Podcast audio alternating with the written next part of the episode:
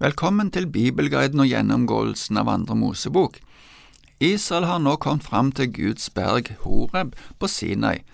Det var mye som skjedde der, men kanskje det mest markante var det som vi skal se på i dag, nemlig at Gud kom nær og ga de de ti bud på en måte at alle kunne høre det. Vi skal lese det avsnittet der Israel får de ti bud det er ifra Andre Mosebok, kapittel 20, ifra vers 1 til 17. Gud talte alle disse ordene.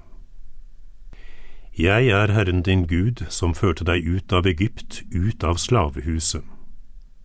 Du skal ikke ha andre guder enn meg.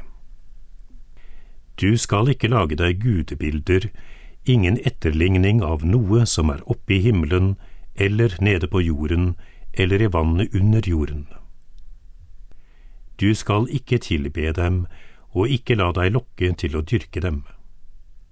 For jeg, Herren din Gud, er en nidkjær Gud som straffer barn i tredje og fjerde ledd for fedrenes synd når de hater meg, men viser trofast kjærlighet i tusen slektledd mot dem som elsker meg og holder mine bud.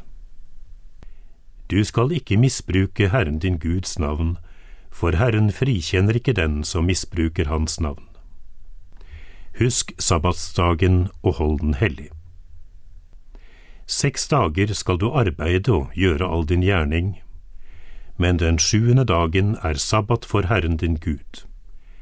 Da skal du ikke gjøre noe arbeid, verken du eller din sønn eller din datter, verken slaven eller slavekvinnen din, verken buskapen din eller innflytteren som bor i byene dine. For på seks dager laget Herren himmelen og jorden, havet og alt som er i dem, men den sjuende dagen hvilte han. Derfor velsignet Herren sabbatsdagen og helliget den. Du skal hedre din far og din mor, så du kan leve lenge i det landet Herren din Gud gir deg. Du skal ikke slå i hjel. Du skal ikke bryte ekteskapet. Du skal ikke stjele. Du skal ikke vitne falskt mot din neste.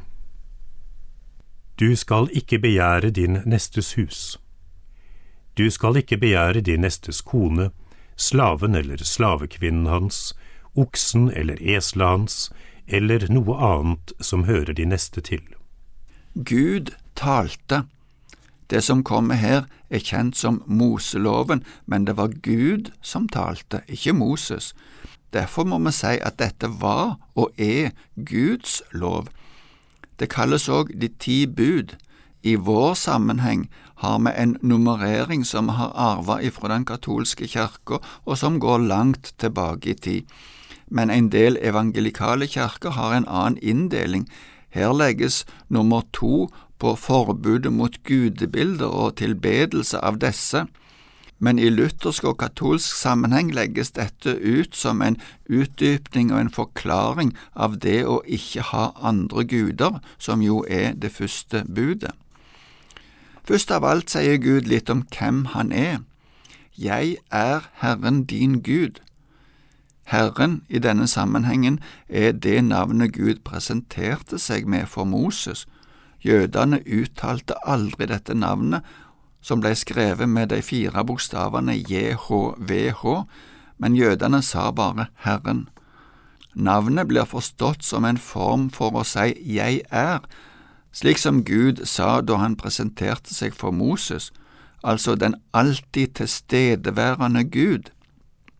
Den Gud som sier dette til Israel, er med andre ord den Gud som alltid er til stede, og videre sier han at det er han som har ført Israel ut av Egypt, ut fra slaveriet. Det er ikke Moses altså, men Gud som har gjort det. Moses var bare et redskap. Dette avsnittet vi kaller De ti bud, er teksten for pakten, eller avtalen mellom Israel og Gud. Gud som den store kongen dikterer traktaten, innholdet i avtalen. Dette er viktige bestemmelser for at de skal være det spesielle folket som Gud ville ha som sitt eiendomsfolk, slik som vi så på i forrige kapittel. Israel skulle ikke se på Gud som én iblant mange andre guder, eller som den beste, kanskje, eller sterkeste, eller noe sånt, men som den eneste. Dessuten er han Gud som handler, han er den som har befridd de ifra slaveriet i Egypt. Israel skulle ikke lage seg noe utskåret bilde, verken av den Gud som hadde fridd de fra Egypt, eller av noen andre guder. I oldtida, både i Egypt, der Israel nå kom ifra, og i de områdene som de var på vei til, var det vanlig å lage mange slags figurer som skulle forestille guder, og som folket der tilba. Dette skulle ikke Israel gjøre. Som nevnt før er det noen som setter opp dette som et eget bud, nemlig som bud nummer to, men det er i vår sammenheng vanlig å, å se på det som en fortsettelse av det å tilbe Gud som den eneste. Dette forbudet er ikke et forbud mot å lage billedkunst, men å fremstille figurer som om det var Gud. Gud begrunner dette med at han er nidkjær. Ordet nidkjær er et ord som ikke er så vanlig i våre dagers språkbruk, men i sin opprinnelse er det beslekta med det ordet som vi gjerne oversetter med sjalu. Det å være sjalu høres jo gjerne litt negativt ut, men det innebærer at en ikke tåler at det er noen andre som tar ens plass. En sjalu ektefelle er en som gjerne ønsker å være den eneste som er gjenstand for den andre sin kjærlighet. Det er noe av dette som ligger under dette begrepet. At Gud er nidkjær, betyr at han ikke tåler at noen eller noe annet tar den plassen han skulle ha i Israels og i våre liv og Guds styrkelse. Gud er den eneste, Videre sier Gud at han viser trufast kjærlighet mot de som elsker han. Dette viser at pakten egentlig er et uttrykk for Guds store kjærlighet og nåde imot dette folket, og mot alle som elsker Han. Herren er barmhjertig og nådig, står det mange andre plasser i Bibelen, og det ligger òg unna her. Det neste budet handler om at Guds navn er hellig, derfor skal det ikke misbrukes. Misbruk vil innebære risiko. Den som gjør det, blir ikke frikjent, står det. Misbruk kan være å bagatellisere eller å se på det som ubetydelig. Det kan òg bety å bruke navnet for å fremme vonde hensikter, eller bruke det i tankeløs tilbedelse, slik som det ofte blir gjort av prester som tilber andre guder. Det neste budet handler om hviledagen. Det var jo allerede ordna at folket ikke fikk manna på den sjuende dagen. Ordet sabbat betyr både sju og hvile. Sabbatsdagen var den sjuende dagen. Ut ifra skapelsesberetningen står det at Gud hvilte på den sjuende dagen. Dette var en ordning han ville at også Israel skulle respektere. Andre folk hadde andre ordninger. Denne ordningen skulle også gjelde for slaver og gjester. Det neste budet handler om å hedre far og mor. Ordet hedre betyr å behandle som viktig. Å ta vare på sine gamle foreldre var et basiselement i det sosiale samværet og den gudfryktige fromheten i Israel. Her knyttes det til hvordan en person vil klare seg i landet.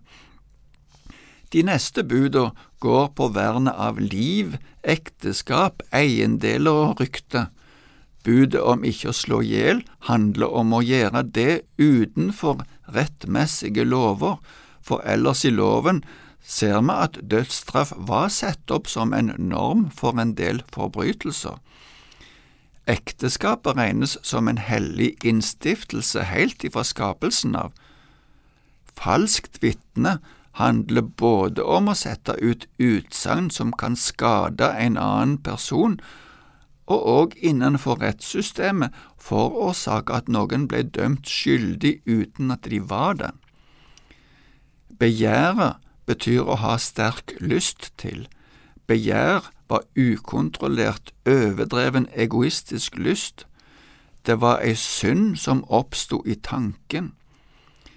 I vår katekisme deles dette verset på de to siste buda, der det første går på vår nestes eiendom, og det siste går på ektefellen, tjenerne og dyra til nesten. Det er ikke vanskelig å forstå de som heller vil holde dette som ett og samme bud, og heller dele opp det som vi kaller for det første budet. Men i Bibelen finner vi ikke klare tegn på hvordan denne tidelingen var satt opp. Før vi slutter i dag, skal vi lese det som står om reaksjonen hos israelsfolket da de hørte buda. Det er ifra vers 18 til 21. Hele folket var vitne til tordenbrakene og lynglimtene, lyden av bukkehorn og røyken fra fjellet. Folket så det og skalv og ble stående langt borte. De sa til Moses, Tal med oss du, så skal vi høre men la ikke Gud tale med oss, for da kommer vi til å dø. Da sa Moses til folket, Vær ikke redde, Gud er kommet for å sette dere på prøve, og for at dere skal frykte ham så dere ikke synder. Så ble folket stående langt borte, mens Moses nærmet seg den tette skodden hvor Gud var. Det var en så skremmende opplevelse for Israel at de ba Moses om å være mellommann, slik at de slapp å høre Guds stemme. De skalv av redsel og ble stående langt borte. De lovte å høre når Moses talte til dem. Det er interessant og viktig det svaret Moses ga dem. De skulle ikke være redde, Gud ville ikke skade dem, men det var viktig at de frykta Gud. Det vil si at de viste respekt og ære til Gud og levde etter Hans ord. Gud ville at folk skulle forstå hvor farlig det var å falle i synd. En sunn frykt for Gud ville gjøre de forsiktige, ærbødige og klar til å tilbe Gud slik at de kanskje kunne holde seg vekke ifra å synde. Men Moses gikk opp i den tette skodda for å få flere detaljer om den loven Gud ga de. Og det var det vi rakk i dag. Takk for nå, og Herren være med deg.